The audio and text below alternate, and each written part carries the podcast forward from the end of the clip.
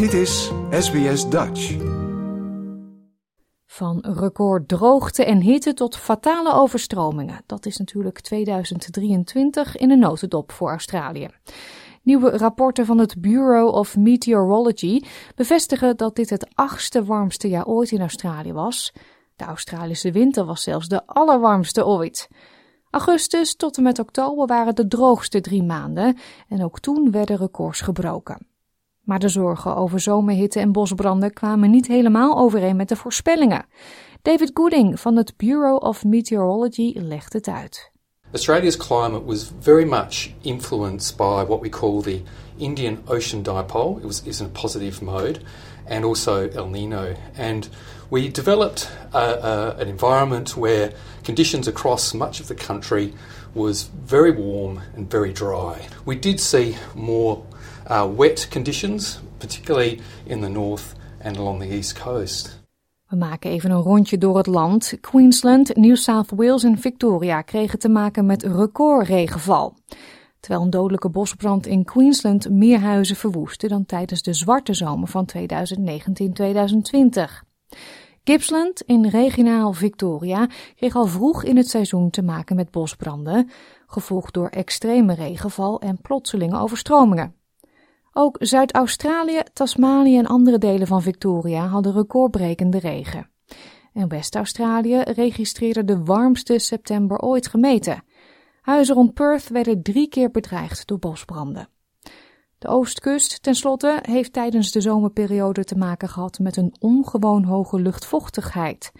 Dr. Simon Bradshaw is onderzoeker van de Climate Council en zegt dat er veel te leren valt van deze weerpatronen. The lesson from this summer really is that things are becoming more chaotic and unpredictable and harder to foresee. So we've really got to take that message of urgency when it comes to looking after our communities and tackling the climate crisis. Climate justice is what we need, not fossil fuels and corporate greed. Donderdag kwamen activisten van de Australian Youth Climate Coalition bijeen in Parliament House en drongen er bij de federale regering op aan verder actie te ondernemen tegen klimaatverandering. We can't keep using fossil fuels and expecting the outcome, the worsening climate crisis, to change, because quite simply it won't. I'm calling on those in power to listen to youth voices and support an urgent transition away from gas and towards renewable energies. Groene leider Adam Bent ging ook in op wat hij de geschonden milieuwetten van de federale overheid noemt. I'm making sure that new coal and gas projects that threaten our environment cannot go ahead. Um, Labor should back that. Labor says that it's serious about tackling climate change. Well, if you're serious about tackling climate change, then our laws must stop new coal and gas projects from being approved. En zo reageerde milieuminister van Labour, Tanya Plibersek, daarop. The Greens political party and the, the crossbench negotiated with the government a safeguard mechanism.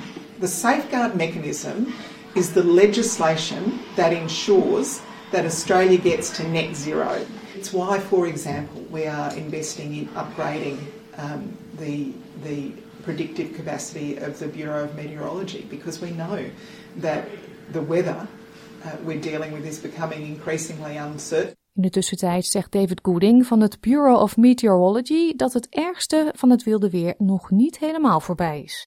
So, what we expect in at least the three months ahead is um, probably wetter than average over the north and northeastern of Australia, but probably equal chances of being wet or dry for much of the rest of Australia. Dit was een verhaal van Youssef Saudi en Madina Jafari voor SBS Nieuws, door SBS Dutch vertaald in het Nederlands. Wil je nog meer soortgelijke verhalen? Luister via Apple Podcasts, Google Podcasts, Spotify of waar je je podcasts dan ook vandaan haalt.